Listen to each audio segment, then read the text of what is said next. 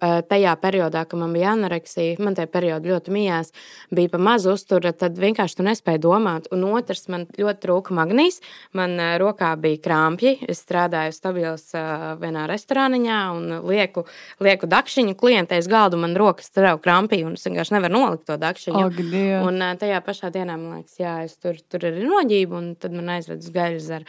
Un tādās stadijās tas ir jā. Un, un trakākais tas, ka no malas to neviens nepamanīja. Vienkārši vienkārši, jo cilvēki jau jauns darba devējs nezina. Vienkārši ļoti tie meitene. Varbūt viņai tāda vilmeņa. Viņš jau nezina to, to, ka viņa varbūt pirms pusgada bija plus 10 kg.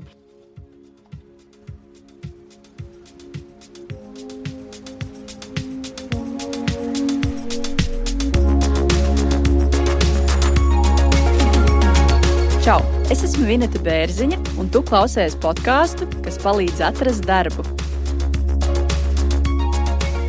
Mans podkāsts ir cilvēcīgas un saprotamas sarunas par darba meklēšanu un atrašanu. Pie manis viesojas Anna Balode. Viņa šodien ir ieradusies podkāstā, lai ar klausītājiem dalītos ar savu stāstu. Sveika, Anna! Sveika! Paldies, jā, ka pieteicies. Varbūt pavisam īsumā pastāstīšu tā ceļu, kā tad mūs savada kopā. Attiecīgi, mana draudzene Aija ieteica tevi, un cik nopratu, laikam, manas kontaktus iedeva, un tādā veidā mēs sazinājāmies. Tā kā man prieks, ka šodien esi ieradusies šeit. Runājot jā, par tavu šo dzīves ceļu, gribu pavaicāt, kur varbūt tu esi mācījusies un cik gados sāki strādāt. Hmm, es esmu mācījusies, nu, kā visi pamatskola, vidusskola, kas jau ar grūtībām tika nobeigta. Tad es esmu mācījusies Anglijā, tā kā food marketing managementu, mm -hmm. arī nepabeidzu. Tad es, tad es mācījos Alberta koledžā sabiedriskās attiecības, nepabeidzu, Risabā sabiedriskās attiecības, nepabeidzu, augstskolu tā arī neieguvu. Mm -hmm. Bet tagad. Tā kā, jā, es esmu diplomāts coach un šobrīd studēju psiholoģiju Stradiņu universitātē. Un cik gados tu sāki strādāt? Es, piemēram, man bija kaut kādi 19 gadi, laikam, kad sāku strādāt. Es sāku strādāt gados 16 par pavāri. Par pavāri. Jā. Kurā vietā? Kaut kur Rīgā vai, vai, vai kur? Rīgā, Rīgā, Vecrīgā bija tāds Džons Lemons Aha. pretīm pulkvedim. Un, Man, tas bija, man nebija nekāda izglītība tajā, bet uh, man bija tāds uh, ļoti liels entuziasms par ēdienu, kur tālāk arī aizvedīs mūsu saruna. Un, uh, jā, es pieteicos strādāt, ceptu pizzas, un uh, man paņēma, jā, pa mazu audziņu, bet uh, foršs vasaras darbs. Tad sanāk, tu apvienoji gan vidusskolu, gan, gan darbu, jā? Jā. Un, un vēl šo to. tu minēji šo aizraušanos rēdienu. Tas notika tieši tad, kad pīcis cepi. Tajā brīdī tas, tas notika vai kaut kad iepriekš? Uh, nē, tas jau ir uh, no 13 gadiem bija tā visa apsēstība ar tievēršanām un tā. Bet um, tas tāds baigs labais paņēmiens ir uh, meitenēm rēšanas traucējumiem, ka tu gatavo ēst, to negribās ēst tu ēd ar acīm. Un es mm -hmm. visu laiku taisīju citiem mēst, un vācu receptes un visu kaut ko. Un tiešām tas aizgāja tādā, ka man bija kofers ar receptēm un tā, un tad es aizgāju vienu dienu pamēģināt. Vienkārši aizgāju pieteicos, vai jums nevajag pavārt. Man iedeva iespēju, viņiem patika tas, ko es uztaisīju, un man ļāva strādāt. Jā. Tātad, jā, 13 gados tu uh, minēji, ka tev sākās aizraušanās ar ēdienu. Kā tas izpaudās? Tā kā daudz ēdi un savukārt nu, domāju par kaut kādām diētām. jā, 12 gados man izšķīrās vecāki, un es tad vēl neapzinājos, tagad es apzinos, bet ehm, jā, es eh, gribēju sākt ievērт. Tad es gatavoju veselīgas receptes, meklēju par ēdienu un lasīju visādas princeses encyklopēdijas, kā notievēt un tā. Sāku gatavot tā, lai pēc iespējas mazāk kalorijas mēģināju uzķert kā, kas ir garšīgāk, kur mazāk kalorijas un tā un tā. Un tad iegāja otra galējība, tur, kur jau bija bulīmija, tur, tur garšo ēst, ļoti garšo ēst un turēt visu laiku. Tad arī bija jāizdomā, viss kaut kas jākūstasīt. Bet var pastāstīt, kas ir bulīmija un cik gados uh, tu konstatēji, ka tev ir šādi traucējumi? Es pastāstīšu, varbūt, kas anoreksija un bulīmija, tas ir tāds izplatītākie. Jā, traucējumi īstenībā viņi ļoti, ļoti daudz. Ar ko viņi atšķiras? Seši, jā. Tā zināmākie anoreksija, tas, kas ir meitenes ierobežo savu uzturu, tā kā pazemināt uzņem uzturu un pārsvarā ir zem svara normas. Un es varu pateikt, ārpus definīcijas, kas izpaužās, ka reāli ir bail no ēdiena nu, ir bail, tu vienkārši nevari iest. Tas bija mans sākuma posms, ja sākās diētām, nevis pēc sešiem. Tas bija Tas bija 13 gados. Jā, 13 mm -hmm. gados, ap 14, 15 gadiem jau es teicu vecākiem, ka man baigā problēma īstenībā ar ēdienu, bet man teica, ka nu, vēl tik traki nav, ja? mm -hmm. vēl tur cauri nespīd. Ko īstenībā ļoti liels stereotips, ka anoreksija tā tad automātiski, zina, tie kauli, skin and bones, bet īstenībā tā nav, jo anoreksija arī sākās kādā brīdī un aiziet līdz tam. Kaut kāda bulimija, kāda jā, jā, jā, jā, bija ap 14 gadiem sāku vēmt. Es uzzināju no māsas, ka uh, nevajag darīt tā, ka uh, tu pāēd un izvēmies. Un es ļoti ceru, ka neviens klausītājs to tagad nemēģinās, jo tas noteikti to nevajag darīt. Uh, vienkārši tas ir tā, ka tu pārēdies. Uh, un izvēmies. Sākumā tas notiek kontrolēti. Tā kā liekas, nu, o, lielisks veids, kā es tikšu ār, vaļā no kalorijām, ne? bet vienā brīdī tā, notiek klikšķis smadzenēs, tīri neironu līmenī viss izmainās, un tu vairs nekontrolē tās reāli ir uzvedība, izmaiņas, izmaiņas smadzenēs. Tas ir tā kā tu izdari, un pēc tam tu domā, ko es tikko izdarīju. Un tu vairs netiec no tāda. Un tā tas vēl kāds 15 gadus. Tev 15 gadus tas bija. Jā. Bet kā tas ietekmē reāli darbu? Un uzreiz rodas jautājums, ja tev ir šāda problēma, kā tu vari nu, strādāt? Ja, piemēram, tev jācep picis vai, nezinu, jāapkalpo klienti pa telefonu, tev jebkurā brīdī var slikti palikt, vai es kļūdos? Nē, slikti palikt, nē. nē jo vai? tur ir tā lieta, ka arī tās meitenes, tāpat kā anoreksijas meitenes, viņas visu dienu nēd. Es visu dienu nēdu līdz 11. Tad es paņemu līdzi divas kastes, sakot, ka man mājās nāk draugi. Bet tur jau neviena drauga nav. Tur es esmu pati. 11. tas ir vakarā. Jā, jā, jā. jā un tad tu vienkārši piedies un, un izvēmies. Un kā savienot darbu? Uh, visus šos gadus es esmu beigas savienojis darbu. Un, uh, pirms raidījums nedaudz pagatavojos un arī palasīju. Tur bija viens uh, tāds mazais pētījums kur 70 meitenes ar dažādiem mēšanas traucējumiem, div, divas trešdaļas loģiski ir darba attiecībās. Viņas strādā kaut kur. Un ir tieši tā, kā es izjūtu pēc savas pieredzes, ka tas darbs notiek tā. Vai nu tās meitenes ir pilnīgi balts vai melns, ja? vai nu pilnībā vēlties darbam, tā ka uz 100% tur bija pētījums, atved vecu popkornu mašīnu un priekšnieks saka, iztīri. Un, uh, viņa ir tajā periodā, ka viņa var kon ļoti koncentrēties, jo viņa nēd, un viņa izberž viņu tā, ka viņa izties kā jauna. Bet viņa varēja būt arī tajā dienā, ka viņai gribās pieeisties un vent pa starpu darbam, pārtraukumos, un viņa neizdarīt neko. Mm -hmm. Un tieši tā arī es dar, 15 gadus ļoti daudz darbus nomainīju. Es lapstījos, atceros pa spīdzi, pa visam spīdzi stoltēm skrēju, bemdam vienkārši paralēli darbam, tā kā it kā aizēju stolt un tā, un tā 15 gadus. Jā. Bet, bet kā ir? Vai tas sagādā teiksim, tā, tādas grūtības darbā, vai ir nu, rekur, piemēram, grūtības tur koncentrēties? Jā. Jā. Jā, tas sagādā grūtības koncentrēties, jo visu laiku ir pirmkārt domas ēst vai nē, ēst, galvā šaudās visu laiku. Un, Otrs, vēl, ja tev ir tajā periodā, kad man bija anoreksija, man tajā periodā ļoti mījās, bija pa maz uztura, tad vienkārši tu nespēji domāt. Un otrs, man ļoti trūka magnīs. Man rokā bija krāpji. Es strādāju stabilos vienā restorāniņā un lieku, lieku dakšiņu klientei uz galdu. Man rokas strauji krampī un es vienkārši nevaru nolikt to dakšiņu. Oh, un tajā pašā dienā man liekas, jā, es tur, tur ir noģība un tad man aizved uz gaļas zaru. Un tādās stadijās tas ir jā. Un, un trakākais tas, ka no malas to neviens neviens nepamanīja. Vienkārši, jo cilvēki jau jauns darba devējs nezina. Vienkārši ļoti tievu meiteni. Nu, varbūt viņai tāda vilmeņa. Viņš jau nezina to, ka viņa varbūt pirms pusgada bija plus 10 kg. Varbūt pastāstīt par darbu, par viesmīlas darbu. Tur visu laiku apkārt rēdiens. Kā tu ar to tiki galā? Un tā ir riska profesija. Tā ir. Un, tā arī runā par viesmīļiem, bārmiņiem, par alkoholismu. Mm -hmm. Tas arī man bija visus šos 15 gadus. Jo, ja es nēdu, man vajadzēja kalorijas, ja, un, lai tiktu ar visu to situāciju galā, cik to es pretīgs lietoju arī alkoholu. Un arī paralēli darbam. Kā tas kā, ietekmē šo te, nu, slim, to var saukt par slimību, vai ne? Jā. Jā, attiecīgi, kā tad, kā tad viesmīlas darbs ietekmē šo slimību? Tu minēji, ka tā ir riska profesija. Ko tu darīji? Vai tu, vai tu ēdīji visu, kas tur pieejams ir? Kā notiek šī klientu apkalpošana? Vai nav tā, ka gribās atņemt kādam klientam to picu? Ir tā, ka pašā darba procesā ir, ir tu vari pārslēgt, tas mēģinājums beigas gudrās. Tur tāds smags mehānisms, tu vari pārslēgt, tu pēdi ar acīm rētu ēdienu, to nemaz negribās ēst. Tu vari visu dienu vienkārši neēst, kamēr tu dari, jo ir jau tāda lieta, ka vakarā jau tu pierījies. Un līdz ar to, to nākamajā dienā īstenībā negribās ēst. Mm -hmm. Tu mhm. visu dienu nostrādā. Un, uh, un tā, un nav tā, jā, ka gribas atņemt, bet uh, es ļoti labi atceros vienu darba vietu, kur bija tāds kā zviedru galds darbiniekiem, ne, no branča viss, kas palicis tur pusdienu. Tad gan bija riktīgi, riktīgi uzdzīvošana rēdienu, un turpat uh, spits to arī vispārējais process.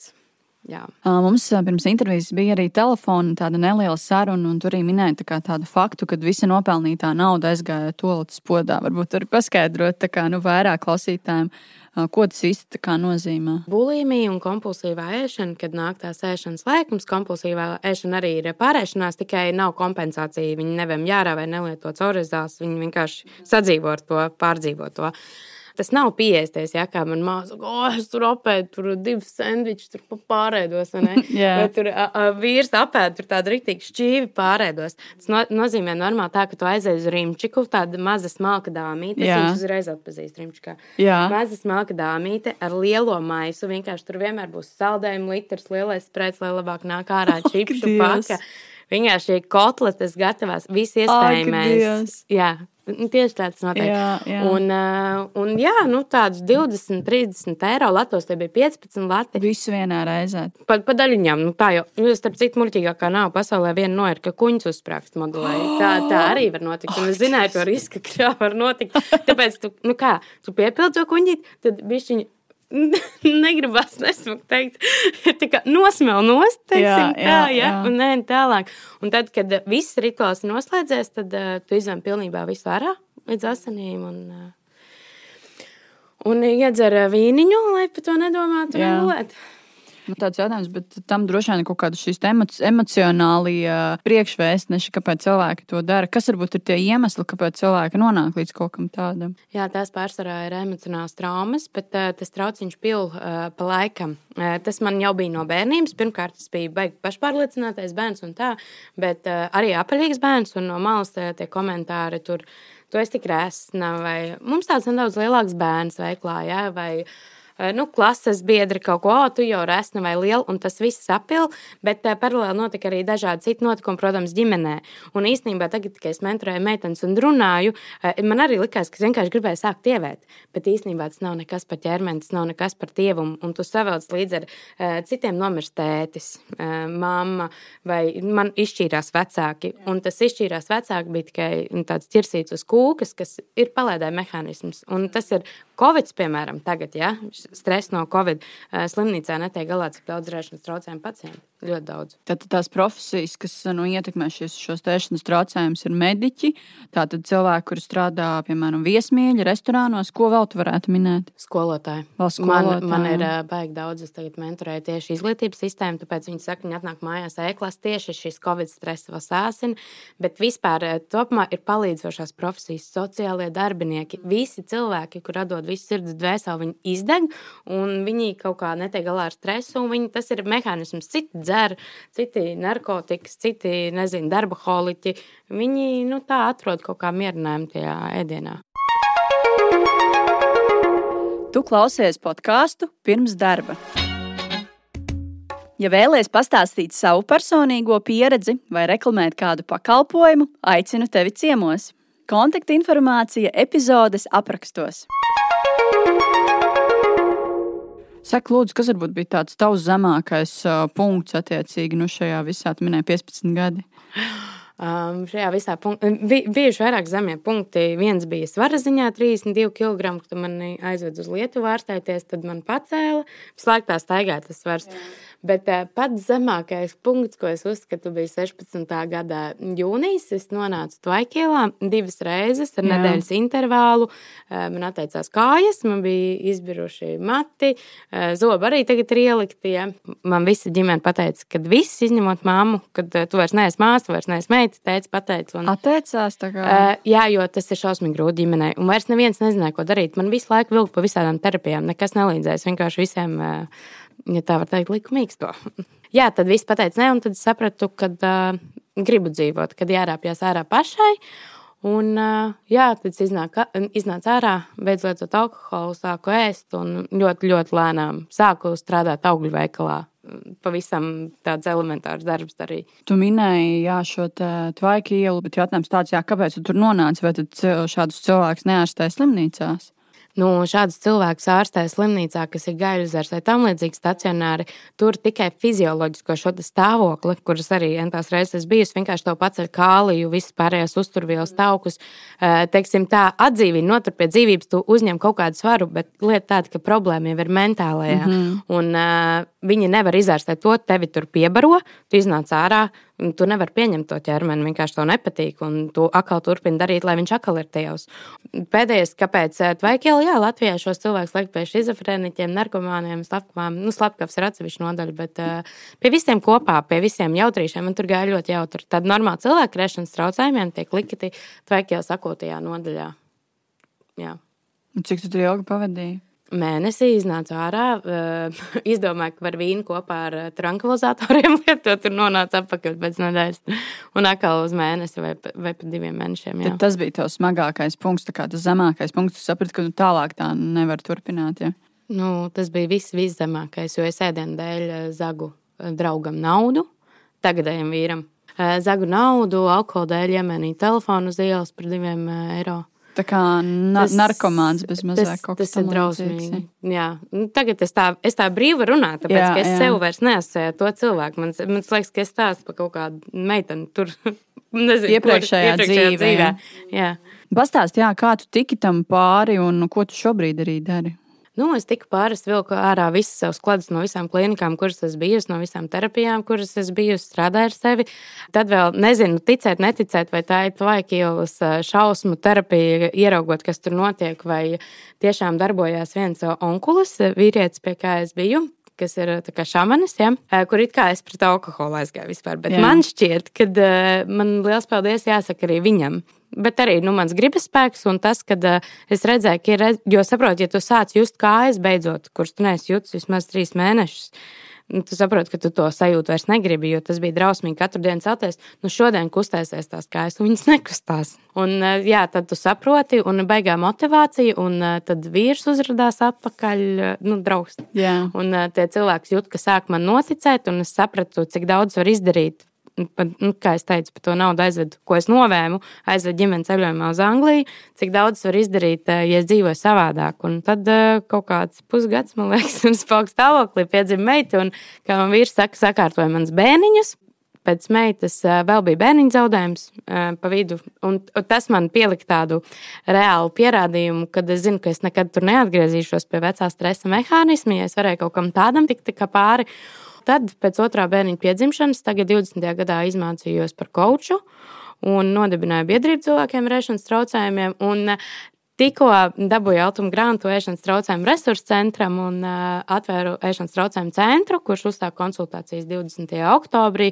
Būs veselības centrā četri remontējumi telpas un uh, aktīvi darbojos kā mentors. Un, uh, viss, no, viss notiek. Kā sauc šo tavu biedrību? Būt brīvai. Būt brīvai. Tā tad uh, tevi var atrast kur? Man var atrast Facebook, būt brīvai, kom, būt brīvai Instagram. Un, jā, ja ir kāds, kas klausās, kam rēšanas traucējumi, es vadu pašpalīdzības grupas un noteikti var pieteikties. Facebook foršās grupas un atbalsta grupas un meitenes rīktīgi foršas, kas tur ir. Un, tur neviens nenosoda un nestāsta, kā uz nerektīgu ir un ap tādām lietām. Pirms mēs jā, ķeramies pie tā, kā tu šobrīd palīdzi cilvēkiem ar ēšanas traucējumiem, viņš grib precizēt, cik ilgi tev prasīja laiku, lai tu nu, tiktu no tā visa projām. Eh, pirmais gads bija grūts pieņemt sevi. Eh, es gribu teikt, ka no tā pilnīgi, pilnīgi, pilnīgi, pilnīgi vaļā tiek 10%, kuriem vispār nekas tāds nav. Arī šobrīd, eh, piemēram, tagad rudenī uzēdu uz 3 kg, man ir besītis, bet es māku tos tarakāns atpazīt viņus. Aizgāņāju pirmo gadu, kad es bija stāvoklī ar meitu, es ēdu ļoti maz kalorijas, 1000 kalorijas dienā, lai arī nevēmu un to alkoholu vispār piedzima meita sakārtoja bērniņus, tad sāku ēst eh, visu, lai bērniņam būtu, vai ne? Eh, visus eh, ogļhidrātus un vispārējo. Un tad tikai pirms kaut kādiem diviem gadiem es pēdu, nu, kā ir tāds baltais saraksts un melnais saraksts no ēdieniem, ko meitenes nekad nedīs to melno sarakstu, kur ir kotletes, rosals un tāda ēdiena. Es laiku ēdu veselīgi, nu tā veselīgi, un teicu, ka baigi forši bērnam tas ir ieguvums. Bet tā izkāpt no komforta zonas un sākt ēst pilnīgi visu tikai pirms kādiem diviem gadiem. Es reāli sāku ēst mammas kotletes, yeah. tur, ja, ja meitas dzimšanas dienā kūku apēdu pirmo reizi, līdz tam es to nē. Kā laiciņš ir, ķermenis nostabilizējās gada laikā, jo man uzkāpa pakaļ līdz 70, un tad nu, loģiski no mazas svara. Tas sakārtojas kaut kur gada laikā. Viss, jā kā tu šobrīd strādā ar tādiem cilvēkiem, vai viņiem visiem ir, vai viņiem visiem, teiksim, tā ietekmē šie tēšanas traucējumi darba dzīve, vai ir tādi, kuriem tas vispār tā kā neietekmē? Ir uh, dažādi periodi. Man jau arī bija dažādi periodi. Tas ir attiecībā, cik es stāstu par tādiem trakiem gadījumiem, vai ne? Uh, Es zinu, meitenes, kuras ļoti labi menedžē visu. Un meitenes grupās, nu, neviens no malas nepateikt, pat es nepateiktu. Tādas sievietes, kas strādā skolās par uh, sociālo pedagogu un skolotājas un uh, ne pēc aprasēm, ne pēc kā nevar pateikt, bet ir kompulsīva ēšana, kas ļoti izplatīta Latvijā īstenībā. Un to var ļoti viegli menedžēt, bet tas ir tas risks, ka tā slimība beigas slēpjas, un neviens no malas nezina, cik nelaimīgi vai kāda viņa ir, ka viņa aiziet mājās. Kā jau saku, no tā stāvokļa, ka viss ir rīktīgi forši un tas neietekmē līdz tam, kad ietekmē, ir ļoti, ļoti plāna tā līnija. Nu, vai tu zini, cik varbūt vispār šādu cilvēku ir Latvijā? Vai pasaulē? Tuvāko Latvijai pateikšu Igauniju. Latvijā pētījumi tāda baigā nav pēc NVD, ko man atsūtīja 240, 247 vai 257 šogad. Jā, cilvēki reģistrēt, reģistrē. Bet ļoti daudz cilvēku par šo problēmu nemaz nerunā. Viņi nemaz neaiziet līdz speciālistam. Tā ir tāda tabū tēma sabiedrībā. Mm, tu iedomājies, kā no malas eh, kādam vienkārši cilvēkam, kas nav tāds open-minded, vai ne? Paklausīties man, cik gadus teica, bērni Āfrikā mirst nost, viņiem nav ko ēst, un ko tu pļurzājies ar ēdienu. Un mana mamma joprojām nespēja saprast, sagramot. Tā kā īsti viņi tā kā saprot, bet tā kā viņi nevar saprast. Un, un ļoti daudz cilvēku vispār par mentālām problēmām vispār Latvijā ir beigā problēma ar to ar izpratni. Labi, ka depresija jau pieņem, tas jau ir wow, ka tas nav slinkums. Mm -hmm. Jā. Bet Igaunijā tad sanāk ir uzskaita precīzi? Jā, tur desmitajā gadā ir veikts pētījums, un 7,7% igauņu sieviešu ir ēšanas traucējumi. Tāpēc ēšanas traucējumu centrā, ko es tagad izveidoju, mēs katru klientu viņš parakstīsies, kad nu, tas tiek pētījumam ievākt dati un veiksim reāls pētījums, lai pēc tam iet pie veselības ministrijas un parādītu, cik īstenībā šādi cilvēki Latvijā, jo pēc statistikas ir tikai divi cilvēki, kuriem diagnoze alkoholisms un bulimija. Tikai divi cilvēki Latvijā. Es esmu ļoti retas eksemplārs, un man grupiņā arī ir divi ļoti reti eksemplāri. Vienā grupiņā, kas ir savākti trīs mēnešu laikā. Es nedomāju, ka tie, tie vienīgie divi no Latvijas ir atraduši mani. Bet kāpēc šādi? Es, piemēram, eju pie ārsta, man ir problēma, to tā kā nekur nefiksē, ne, nereģistrē, vai, arī Latvijā nepastāv tāda problēma, slimība. Bet uh, ir ļoti liels kauns to atzīt, un visticamāk šādas detaļas, tāpēc uh, arī būs seminārs speciālistiem izglītojoši, jo šādas lietas meitenes nesaka. Viņas nesaka, es divus gadus gāju terapijā un uh, meloju terapeitē visu laiku, jo man bija kauns to pateikt, ko es īstenībā daru. Tas ir viens, un otrs uh, speciālisti nav īpaši kompetenti. Piemēram, es biju pie vienas psihiatras, kam bija gadi 19. Viņa teica, nu, meitiņ, ko, nu, sāc ēst, ja neuz tvaikielu. Un man pateica, atlika pateikt tvaikielu, es divus gadus pie ārsta negāju. Jo tā tad es esmu kaut kāda psihā, kaut kāda nenormālā. Mm -hmm. Tā, tāpēc cilvēki arī nerunā, jo ir maz cilvēku, kas saprot speciālistu. Kā tu domā, vai ir vispār kaut kāds veids, kā var izvairīties no, nu, lai nenonāktu pie šī, vai tas nav iespējams?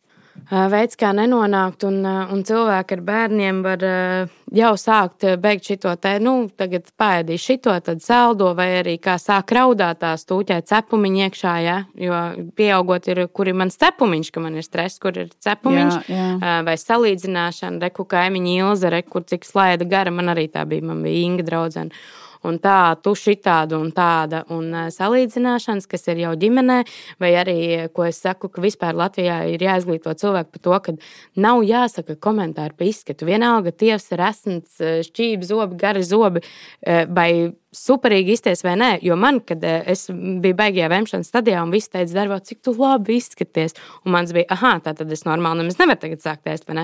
Vispār Akties. vajag vienkārši klusēt par izskatu, jo kāda tev starpība, nu kas tev no tā mainās?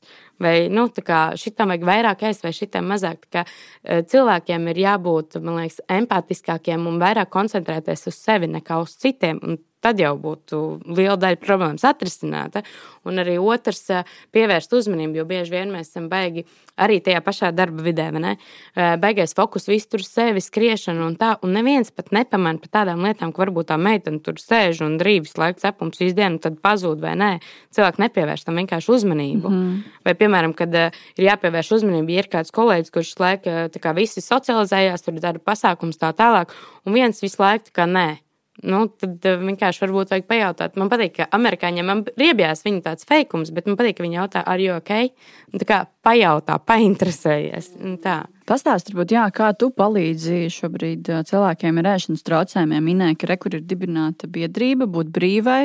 Kā vēl tu palīdzi, kā tu šobrīd darbojies? Es mentorēju, man nāk arī viena meitene, 13 gadus, paši ar māmu un, un ar meitu strādāju. Dalos savā pieredzē, un tādējādi ārzemēs ir tas peer-to-peer princips. Dalos pieredzē, kā man tas bija, un katrs no tā var paņemt kaut ko savu. Es varu iedot ļoti noderīgas lietas. Piemēram, nav jēga vecākiem to bērnu sūtīt vienā terapijā, otrā terapijā, trešā terapijā, kā tas bija man. Vienīgais, ko tas bērns vēlās, ir, lai kāds no vecākiem atnāk līdzi. Nevis iedot tev 50 lats un ej, ārstējies.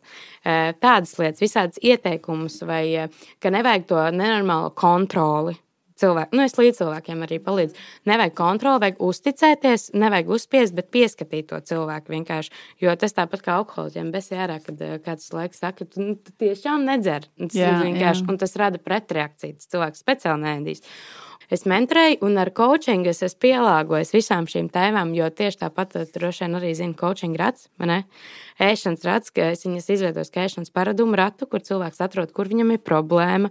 Mēs strādājam kopā, veicam soļus pretīm kaut kam. Meitenes ļoti daudz beidzot aizgājuši pie psihiatra, ko viņas ir nu, izvairījušās. Es iesaku, kuri ir tie kompetentie Latvijā speciālisti, un eju līdzi tam visam procesam, mentorēju un atbalstu. Un vienmēr man patīk arī, kā viņas grupiņās, Vācijā viena otru atbalsta. Viena grib pierīties, viss tur nē, nē, garām veikalam, tā un tā. Viņas arī viena otrai palīdz. Tu to dari bez maksas, vai arī ir kaut kāds līdzmaksājums vai, vai, vai kaut kāds nezinu, ziedojums? Kā tas Jā, notiek? Biedrībā, biedrībā ir sabiedriskā labuma status, tur es vadu grupas bez maksas, un tas ir pa ziedojumu, cits viens eiro vai kā. Līdz šim es visu laiku arī mentorēju pilnīgi bez maksas, bet tie cilvēki ir nereāli daudz, un man ir divi mazi bērniņi, viens gads un trīs gadi. Un es sapratu, ka es vienkārši pati jau sāku raudāt vannā. Bērni man neredz, un es reāli izdegu vairākas reizes, ļoti, ļoti traki izdegu.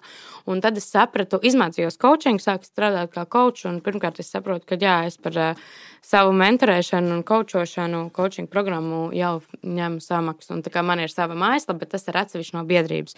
Un ēšanas traucējumu centrs savukārt ir izveidots kā sociālais uzņēmums, jo man ir misija, ka ikvienam Latvijai ir vajadzīga bezmaksas palīdzība, mm -hmm. kas Lietuvā ir starp citu bezmaksas valsts nodrošināts pakalpojums. Un, tāpēc visa uzņēmuma peļņa aizies bezmaksas konsultācijām tiem, kas to nevar atļauties. Arī mani pakalpojumi to starp priekšā. Vēl ko varbūt gribu precizēt vēlreiz par tām profesijām, ar, kurus tieši veicina varbūt ēšanas traucējums, minēja mediķi, skolotāji, sociālajie darbinieki. Nu, kā varbūt šie cilvēki var izvairīties, jo nu, darbs ir stresēns? Un vienkārši rūpēties par sevi skatīties, lai neizdeg. Un ļoti liela problēma ir būt glābējam ne, visu laiku. Bet ir jāsaprot, ka ir jāglābj sevi.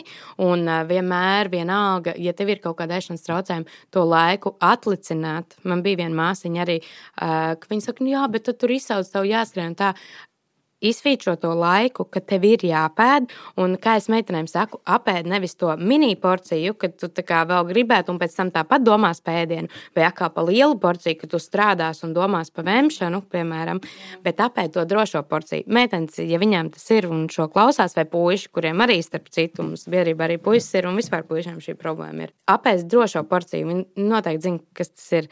Kad tu jūties droši, piemēram, viesībās arī ķeksīši pēc tam apēd, un to ar to var staigāt, dzīvot, un tev tas netraucē. Jo mm -hmm. katru ēdienu, ko tu uzņem, tu jūti, kur viņš to sēž ķermenī, kurā vietā nopietni tā ir. Jā, apēst to drošību porciju un noteikti pāriest. Un noteikti pāriest brokastis no rīta, kas man palīdzēja, jo tev vienkārši jāskrien ārā no mājas, un tev nav laika ne domāt neko, bet uh, rūpēties par sevi un iemācīties pateikt nē. Un, uh, zini, ir tā divi grāvis arī pētījumos lasīju kad uh, vai nu cilvēki pārstrādājās, vai ne, vai viņi atkal no garlaicības sāk ēst. Mm -hmm. nu, tā, un citreiz tas darbs var būt terapija, arī man tā bija, ka tā ir kā terapija, un tas ir baigi labi, tas tev izvelk, uh, un cita kā otrādāk viņi no stresa sāk ēst un saprast, analizēt, paprasīt sev, kas ir tieši tas, Kurā kas man triggers, mm -hmm. kā, kā, kā man triggero ka, kur ir tad vislabāk padomāt vienkārši, jo mēs jau ikdienā nedomājam. Ne? Paldies, Anna, jā, par šo atklāto sarunu. Noteikti arī podkāstu aprakstā padalīsimies ar tavu mājaslapu, jo cilvēki, kuri sadzird ka ir uh, kaut kādas šādas problēmas, lai ar tevi var sazināties. Un vai es pareizi saprotu, ka tu esi uh, vienīgā Latvijā, kur kaut ko šādu ir aizsākusi? Kur ir komandas darbs un biedrība? Jā, ir pirmā tāda pacientu biedrība nodibināta, un tas, kur būs komandas darbs un pirmā, kur nodrošinās bezmaksas pakalpojumu, jā, es būšu pirmā. Jā, paldies, ko tu dari sabiedrības labā, un paldies par atklātību. Jā, paldies, ka uzaicinājāt. Jā, lai veicas tā. Jā, tā. Tu noklausījies podkāstu, kas palīdz atrast darbu. Lai dzirdētu visas intervijas, seko pirms darba visās podkāstu aplikācijās, arī Facebook, Instagram un YouTube. Iesaki tēmu, nāc uz interviju vai reklamē savu uzņēmumu podkāstā. Kontaktus atradīsi epizodes aprakstos un manā LinkedIn. Uz sadzirdēšanos!